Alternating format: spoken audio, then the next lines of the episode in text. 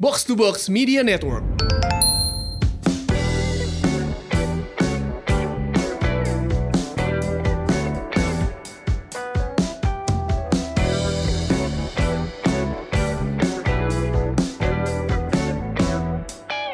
Hai Semurian, welcome back. Ini dia podcast Semur Sehat Makmur. Podcast yang mengajak kamu untuk sehat jasmani dan makmur finansial. Berdua nih podcastnya, saya Ligwina Hananto dan rekan gue adalah... FX Mario, halo halo semua. Hai Mario. Hai, Mario is a coach ya, Mario is a coach dan gue Uh-huh. adalah seorang financial trainer. Jadi dua-duanya trainer, Uh-huh. tapi yang satu trainer finansial, yang satu trainer fitness. Ya. Hari ini episode Oke. kita akan bikin tanya jawab, ngelanjutin episode Ah, sebelumnya. lanjutin yang minggu- Mm-mm. Mm-mm, kita punya lima pertanyaan lagi, terbagi jadi dua pertanyaan. Ada pertanyaan Ya. makmur yang akan ditanyain ke gue, dan ada pertanyaan sehat yang akan ditanyain ke Mario. Dan Mario kayaknya udah Yes. punya daftar pertanyaan yang pertama. Ya. Gue udah pegang, kita lanjutin listnya. Kevin, ini pertanyaan dari Mali. Untuk pemula yang ingin belajar saham, lebih baik invest di reksadana atau langsung ke IDX. Nah, dia pengen langsung saham nih. Oke, gue jelasin definisinya dulu kali ya. Ya, ya, ya. Ah, Biar panjang durasi sih sebenarnya. Oke, yang pertama, pertanyaan tuh pertama tuh gini, em, lo bayangin ya, ini kan namanya pemula tadi kan kata-katanya pemula, jadi buat kalian yang udah tahu sih nggak masalah. Tapi banyak orang tuh nggak sadar sebenarnya saham sama reksadana tuh bedanya apa. Jadi gini, yang namanya in, ini IHSG itu adalah indeks harga saham gabungan, IDX yang tadi disebut itu Iya. adalah uh, Indonesia Stock Exchange. Jadi gedung Bursa Efek Indonesia yang ada di SCBD di Sudirman itu, uh, lu bayanginnya kayak pasar induk yang jual buah-buahan. Oke.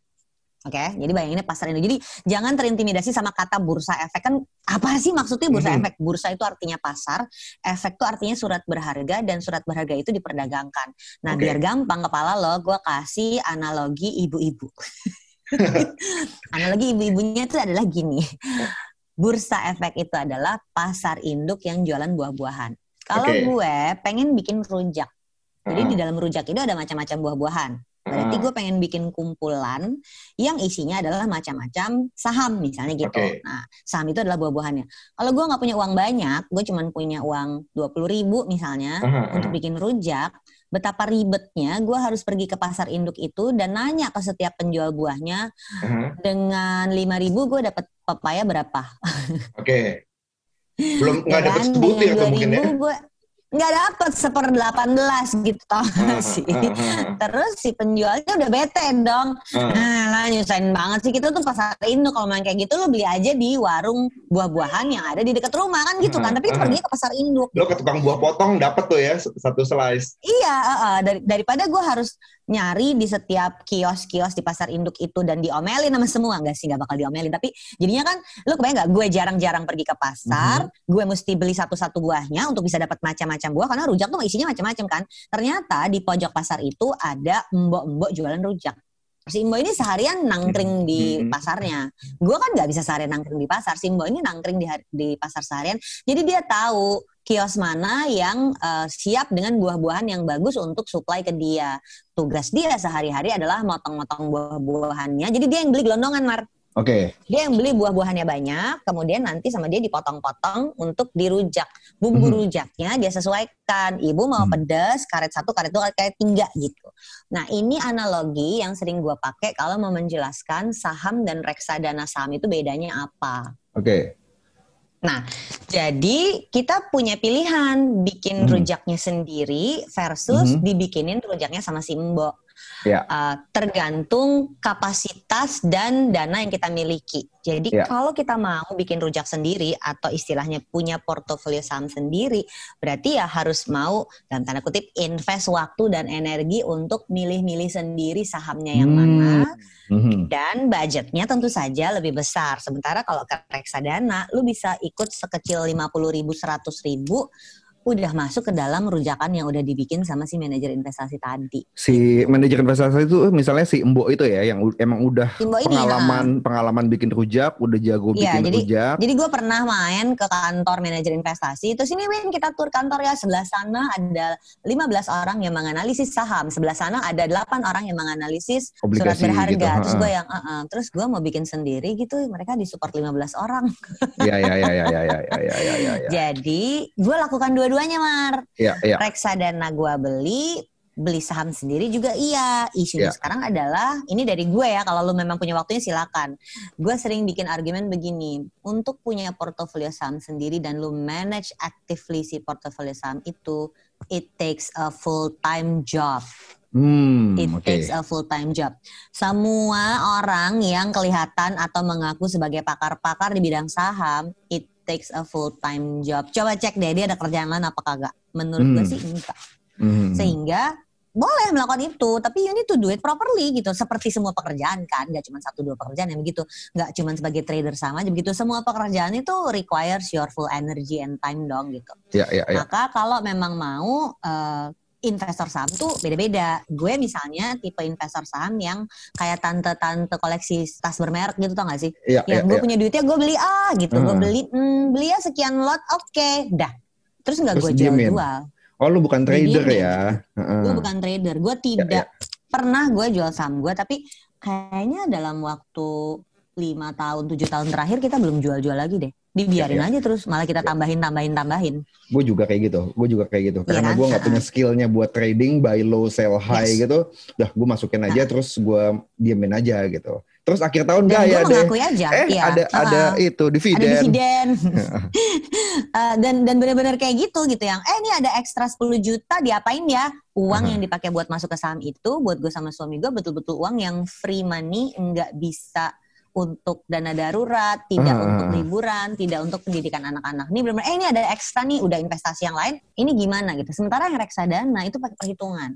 Misalnya Hmm. kita punya hitungan untuk dana pendidikan S1 anak yang paling kecil yang masih SD, Hmm. tahun kesekian waktu dia kuliah tuh harus berapa. Nah ada hitungan untuk setor bulanannya ke reksadana saham harus berapa. Atau dana pensiun kita dalam sekian tahun ke depan setor bulanannya harus berapa. Dan itu gue lakukan, gue merem harga berapapun gue masuk, gue masuk, gue masuk. So Oke. untuk pemula, lu pikirin dulu nih, lu mau yang mana? Lu mau mencapai tujuan finansial, jadi lu harus tentuin angkanya dan tujuan finansial berapa dan setoran bulanannya berapa ke reksadana saham dan invest regularly.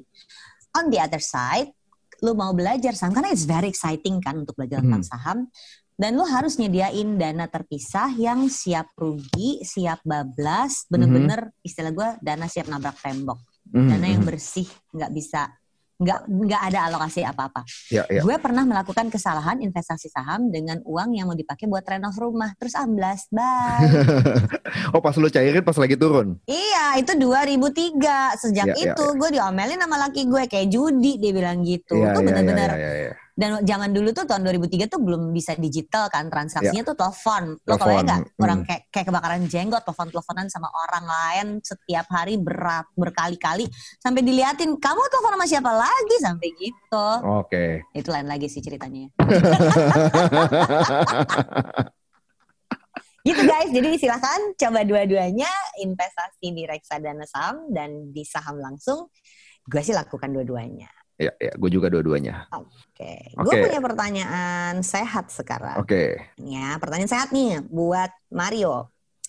Eh, ada Ilma yang bertanya, kalau orang obesitas olahraganya mendingan apa Oke. dan bisa atau enggak sih? Apa Mhm. harus konsul dokter dulu? Oke, kalau ini jawaban gue pertama, kalau lu merasa tidak sehat, lu lebih baik konsul ke dokter. Konsul ke dokter ini gini-gini, kalau gue ngelihatnya ada dua tahapan. Satu sehat, dua bugar. Oke, beda ya itu ya. Beda, beda. Sehat itu artinya lu tidak sakit, lu tidak menderita suatu penyakit yang membatasi lu untuk olahraga. Eh, siapa yang bisa tahu ini? Ya lu medical check up atau ke dokter gitu kan. Kalau ternyata eh, kondisi lu oke, yuk eh, berarti lu sehat dong kalau kondisinya oke kan. Yuk kalau udah sehat kita bisa jadi lebih baik dengan menjadi bugar, menjadi bugar dengan cara olahraga.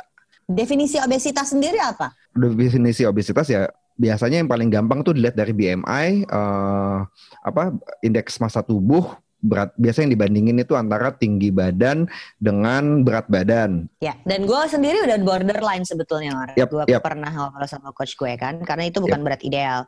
Yep. Dan butuh butuh mengalahkan ego untuk bilang, hmm, gue ternyata tidak ideal gitu kan. Yep. tapi tapi ya, jadi kalau kalau udah definisi obesitas kita bicara obesitas tuh yang benar-benar dalam dalam BMI yang besar gitu kan olahraga apa yang bisa dilakukan? Oke, uh, untuk orang obesitas olahraga apa? Kalau ditanya olah, olahraga apa sebenarnya ya jawaban gue akan selalu do what you like. Karena kalau gue nyaranin lu, oke okay, lu nggak mau tahu, lu mesti angkat beban seminggu lima kali atau lu mesti lari seminggu lima kali atau lu seminggu tiga kali angkat beban dua kali uh, lari. Yeah, yeah. Orang nggak akan suka digituin, Win.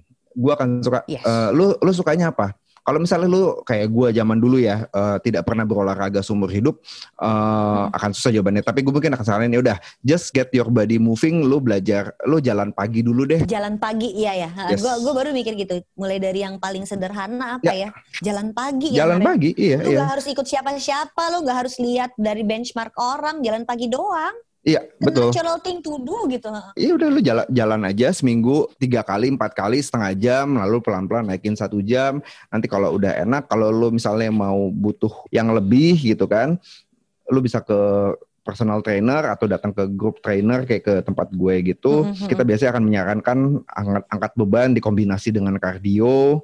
Dan itu eh, biasanya eh, it's a long process lo akan belajar fundamentalnya dulu mulai dari gerakan-gerakan dasar kayak misalnya squat, lu belajar jongkok, lu uh, belajar press, gerakan mendorong, ge- belajar gerakan-gerakan yang pull, terus sambil digabung dengan kardio juga. It's a very good combination. Kombinasi angkat beban dengan dengan dengan kardio itu sangat baik untuk menurunkan kadar lemak. Menurut gue itu. gue pernah follow dan menurut gue ini penting banget ya lu bisa Mhm. lihat orang yang punya isu sama dengan lu ya gak sih Mhm. Jadi kan gu- gue ngerti ya ada ada teman-teman gue yang ketika dia obesitas tuh dia udah keburu ciut duluan kalau dia pergi ke gym yang isinya Hmm. tuh orang-orang yang six pack gitu misalnya. Mhm.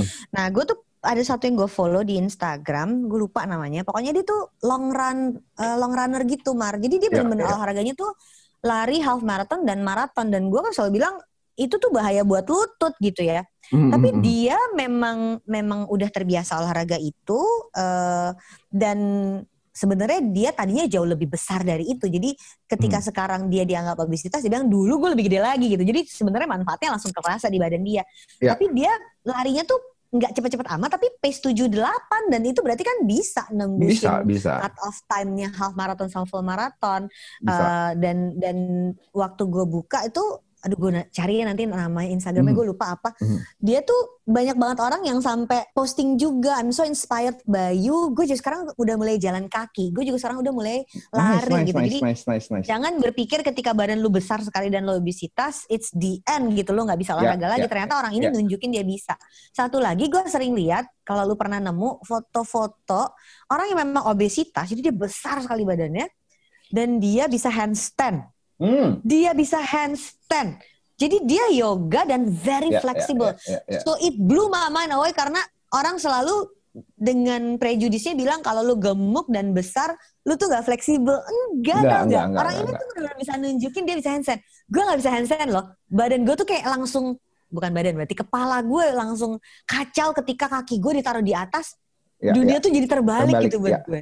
Itulah lah, challenge challenge dari handstand adalah lo ketika lo posisi upside down lo panik apa enggak lo bisa Yes. bisa tenang apa enggak ya itu challenge dari handstand terus berani nggak tuh ne- nendang nendang kaki ke atas buat handstand kayak gitu kan It's Iya. all in your mind. Jadi ini mungkin encouragement buat teman-teman yang selama ini memutuskan tidak olahraga, tidak termotivasi olahraga karena secara fisik lo merasa ada kesulitan gitu.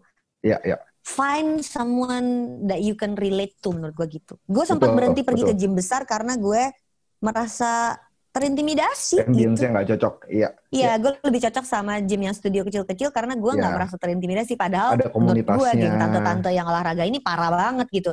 Tapi gue nggak merasa mereka bikin.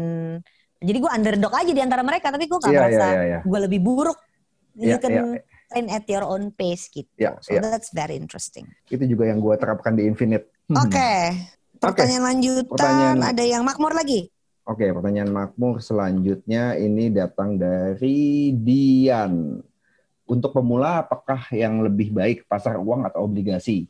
Ini reksadana kali ya, reksadana pasar uang atau reksadana obligasi kali ya, Win ya? Iya. Uh, boleh nggak gue boleh nggak gue nanya? Ya, boleh nggak gue nanya tujuan lo apa? Dian, tujuan lo apa gitu? um, gini, kita definisiin dulu ya. Uh, hmm. Ada pasar uang, ya. ada pasar pendapatan tetap, okay. ada pasar campuran, ada pasar saham. Jadi okay. kalau tadi kita bahasnya si pasar induk, ternyata waktu kita masuk ke dalam pasar induk itu ada lorong-lorongnya gitu. Okay. Bercandanya gitu. Ada pasar uang itu letaknya di luar pasar induk, uh, isinya sayur-sayuran. Jadi dia nggak jual buah-buahan misalnya gitu. Aha. Lalu di dalam pasar induk yang hanya jual buah-buahan, buah-buahannya tuh ada buah-buahan kayak duren gitu di ujung sebelah sana, terus ada buah-buahan kayak apel-apelan di ujung sebelah sini, uh -huh. terus ada buah-buahan lokal kayak lengkeng lah, rambutan lah di pojok yang lain. Nah, kalau lu mengkombinasikan itu di dalam rujak lo, bisa kacau kan berantakan mm. kan? Sehingga lu mesti pilih nih buah yang mana yang cocok. Mm. maka reksadana itu ada yang namanya reksadana pasar uang dia di luar pasar induk tuh karena dia hanya sayur-sayuran doang. Yeah. berarti komposisi di rujakannya jadi salad bukan rujak dia. Ya kan? Logikanya gitu kan? Karena isinya sayur-sayuran doang. Nah sehingga kalau kita mau investasi di pasar uang itu sebenarnya uh, agak beda nih sama si pasar modal. Pasar hmm. uang itu adalah definisinya semua uang beredar. Di dalamnya adalah tabungan, deposito, atau surat utang yang jangkanya pendek-pendek. Jadi ya. reksadana pasar uang, generally speaking, dipakai untuk kalau tujuan finansial lo di bawah tiga tahun, di bawah lima tahun. Hmm. Obligasi sebenarnya pendek juga, tiga tahun, lima tahun ada. Tapi kalau obligasi itu istilahnya gini, lo masukin uang lo 10 juta, dalam tiga tahun akan keluar lagi 10 juta. Ya. Untungnya apa dong? Nah, setiap bulan dalam tiga tahun itu keluar kuponnya. Hmm. Kupon tuh kayak bunganya deposito gitu loh, Mar. Hmm, Oke. Okay. Biar kebayang. Kalau deposito kalian tahu kan, deposito kan produk perbankan yang kita masukin uang 10 juta, terus kalau kita mau cairin akan keluar 10 juta lagi, nggak berkurang nilainya. Nah, selama ya. uangnya disimpan di bank, ada bunganya keluar. Nah, kalau ini obligasi, yang keluar adalah kupon. Bedanya deposito sama obligasi adalah apa? Kalau deposito itu produk perbankan, kalau obligasi itu ada obligasi yang diterbitkan pemerintah, ada obligasi yang diterbitkan perusahaan. Yang okay. diterbitkan pemerintah dianggap risk free. Mm -hmm. Di pasar tuh dianggap nggak ada resiko. Yeah. Karena kalau gagal bayar, pemerintah nyetak duit lagi. Iya, iya, iya, iya, iya. Ya. Atau bikin obligasi baru. Sementara kalau ya. korporasi kalau dia gagal bayar, bangkrut. perusahaannya bisa bangkrut gitu. Ya. So choose your product. Uh, kalau jangkanya pendek-pendek dan lo mau akumulasi, pakainya pasar uang. Tapi kalau lo cuma mau parkir aja duitnya untuk tiga tahun, pakainya obligasi. Oke, okay. sip, sip. Gitu. Oke, okay, ada pertanyaan lagi nih. Mm. Pertanyaan sehat. Hmm. Yang hmm. kedua dari Anita. Anita nanya gini, uh, buat medical check up dia bilang gitu. Kalau kondisinya adalah 30 tahun active lifestyle, medical check up tuh perlu berapa tahun sekali sih? Hmm. Apa udah perlu setahun sekali? Karena hmm umurnya dengan konteks 30 tahunan ya. ya. Gue dengan di atas 40 itu udah di-encourage untuk medical check up-nya setahun sekali. Tapi ya. sebenarnya ya. kalau dari sisi kesehatan gimana sih, Mar? Uh, yang gue tahu ya kalau medical check up itu uh, emang sama juga setahun sekali. Tapi uh, waktu gue masih usia 30-an sama gue 40-an medical check up-nya yang gue lakukan beda. Beda, oke. Okay. Hmm. Jadi waktu gue usia 30-an, gue masih medical check up yang uh, tes darah doang tuh. Gue cek gula darah uh, buat puasa, gula darah yang saat itu juga. Terus mm -hmm. kemudian gue cek kolesterol, asam urat gitu kan. Nah ini udah udah 40-an gue mulai yang lebih detail deh. Gue cek jantung, terus yang uh, pakai treadmill, terus dilihat pola mm detak jantung gue saat istirahat gimana, saat lagi uh, under tension itu gimana uh, detak jantungnya. Nah uh, tentu saja yang yang lebih detail biayanya lebih mahal kan. Nah itu jadi kalau menurut gue semakin uh, kalau masih muda, masih 30-an ya setahun sekali yang yang pakai darah boleh, tapi kalau yang udah uh, yang udah lebih berumur, yang lebih detail ambil boleh lah. Yeah. Nanti gue ada cerita sih soal uh, kemarin ini gue ngedonor darah terus bagaimana gue bisa menghemat biaya screening ada tes-tes berbeda gua. yang bisa lu yes. dapetin dari situ ya. Oh yeah. ya tambahan gue uh, mulai tahun lalu mm-hmm. uh, dan tahun ini belum dilakukan keburu pandemi gitu. Mulai uh-huh. tahun lalu itu um, medical check up yang full. Terus ada temen yang udah pernah kena serangan jantung dan dia mm. sampai wanti-wanti laki-laki itu uh, dengan hormon yang berbeda gitu Iya, kan, nggak iya. ada nggak ada estrogen, Estrogen. di perempuan, Hmm. maka uh, kemungkinan ada gangguan jantungnya itu lebih tinggi. Jadi Hmm. dia menyarankan untuk cek jantungnya khusus ada rumah sakit di dekat pasar Rebo Mhm. dan Mas Dondi tuh ke sana, suami gue tuh ke sana dan Mhm. uh, masuk ke mesin tuh apa namanya sih Mar? Yang. MRI, MRI, di bawahnya MRI, CT scan. CT scan. Ya, CT scan. Jadi CT scan untuk memotret jantungnya. Hmm. Eh, pas memang waktu medical check up itu si treadmill sama EKG itu ada kayak eh, detak yang beda gitu. Iya, iya, menurut menurut yang baca ini kok terlalu pelan dia bilang gitu. Jadi kita Mhm. Refer ke dokter yang itu terus pas diperiksa, Bapak olahraganya sering ya? Oh iya, dari SMA tuh rugby lah, Hmm, basket hmm. lah. Basket. Mhm. Ra- masih rutin basket, sepeda, pernah triathlon. Terus dia bilang memang kalau yang rutin olahraga, detak jantung pas istirahatnya itu jadi rendah banget. Oh, resting can heart slow rate. resting heart rate itu rendah Ya. banget sehingga eh, kelihat makanya ada false alarm waktu medical check up awal. Tapi Oh, pas di CT Itu scan juga gue alami. Ah, ya jadi itu yang kita mesti tahu juga kan kita nggak ngerti cara Iya, kerja iya. jantung kan Iya, gitu. Nah, iya, pas iya. yang ditambahin dengan yang CT scan itu untuk konfirmasi aja emang bener ada gangguan atau tidak. Jadi ternyata bedanya gini Mar, waktu kita treadmill itu Mhm. ngecek jantungnya. Mhm. Ternyata serangan jantung itu sering bukan di jantungnya tapi di saluran menuju jantung Oh, atau iya, keluar dari oke. jantung gitu. Iya, nah, iya, itu yang contohnya kolesterol blocking si saluran darahnya. Ah, ah, ah. Nah, untuk bisa tahu itu di USG sama di CT scan. Jadi itu beda beda ngecek kan. Gue yap, juga baru yap. kepikir loh, iya ya kan kalau treadmill itu kan memompa si uh, kardio kan darahnya, gitu, memompa ha, jantung da- uh, jantungnya dari dan ke uh, darah Jantung, jantung dan ke mm. jantung. Beda sama di foto saluran-saluran di sekitarnya gitu. And that Oh, was very menarik. interesting dan itu kalau laki-laki uh, risikonya lebih besar, tapi gue udah pernah ketemu temen gue yang nemenin bapaknya untuk medical check up, terus dia iseng kenapa gue nggak juga ya, dia perempuan Hmm. ya umur 40 biar cek juga ternyata dia yang ada uh, arterinya keblokir loh, Hmm. jadi dia yang harus ditindak saat itu juga. Nanti. Satu keluarganya itu panik langsung dan gue yang "Hah, ada-ada aja sih gitu. So so nggak berarti perempuan tidak punya resiko juga ya dengan Ya, pola ya. makan yang nakal begini sih ada aja kejadian gitu. So yes medical check up gue setuju kata lo setahun sekali tetap kita harus periksa. Oke. Pertanyaan terakhir Mar, ada satu Pertanyaan pertanyaan terakhir. terakhir untuk eh, soal mak- kemakmuran dari Fikra. Ya. Suamiku 10 tahun lagi pensiun dan dia selalu jadi karyawan, nggak suka bisnis. Sekarang harus start apa? Yes, jadi eh, waktu kita pensiun, kita mesti punya fasilitas pensiun berlapis. Yang pertama adalah akan ada BPJS ketenaga kerjaan. Yang Hmm. kedua adalah cek fasilitas pensiun dari kantor dapat apa. Beberapa kantor itu nyediain dana pensiun khusus, jadi kita dapat gaji gaji pensiun gitu. Eh, tapi ada yang nggak ngasih itu, ngasihnya lagi misalnya benefit kesehatan lima tahun pertama gitu. Mhm. Yang ketiga adalah kita bikin dana pensiun sendiri yang bisa menghasilkan uang. Jadi bedanya kalau tadi gue udah bahas investasi yang akumulatif, setor sedikit-sedikit lama-lama menjadi bukit. Mhm. Nanti waktu kita masuk usia pensiun, kita harus punya aset yang sifatnya generatif. Jadi dia bisa menghasilkan uang. Mhm. Contohnya adalah bisnis atau properti disewain atau surat berharga yang tadi obligasi bisa menghasilkan kupon itu Mar. Mhm. Makanya kalau ada karyawan waktu pensiun nggak tertarik bikin bisnis, jawaban gue adalah nggak apa-apa.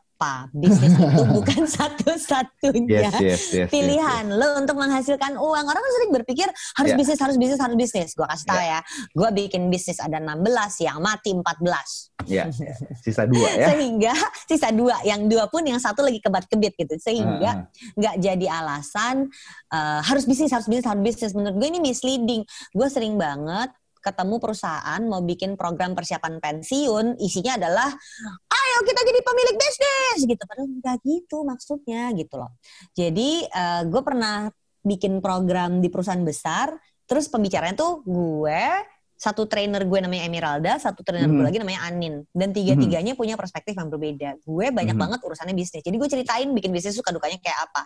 Si Emeralda, tim rebahan menyebut dirinya. Mhm. Jadi dia itu kerja di perusahaan multinasional, tidak tertarik bikin bisnis, nggak sanggup ngurus properti. Dia investasinya semuanya digital.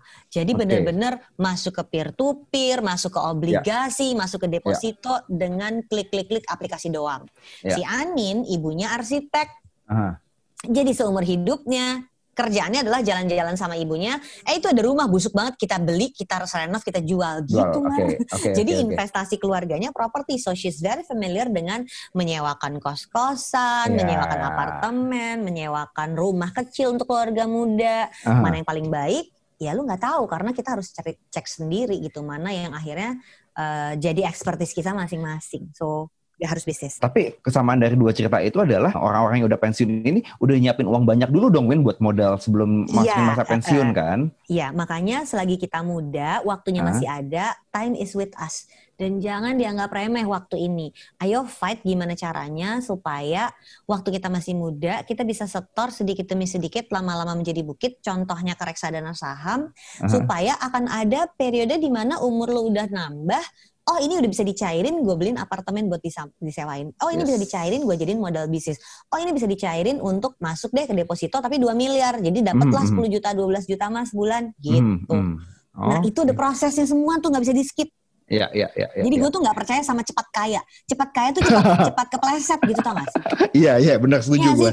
Udah aja, ayo kita investasi Masukin semuanya ke sini. semuanya. Ah, terus kepleset ah. gitu. Enggak gitu caranya gitu. Iya, Oke, iya, iya. ada yang berhasil tapi cek deh dia keplesetnya kayak apa. Makin Iya. dalam keplesetnya kalau mau cepat kaya. Iya, So iya. there you go, enjoy the process. Oke, Semurian, thank you udah nanya-nanya ke kita. Eh, itu juga semoga bisa menjawab keresahan-keresahan kalian semua. Jangan lupa terus dengerin Semur, karena untuk apa kamu sehat tapi nggak punya uang, buat apa makmur tapi sakit-sakitan. Saya FX Mario bersama rekan saya. Saya Ligwina Hananto. Sampai ketemu lagi, live long and prosper. Live long and prosper. Bye guys. Bye-bye.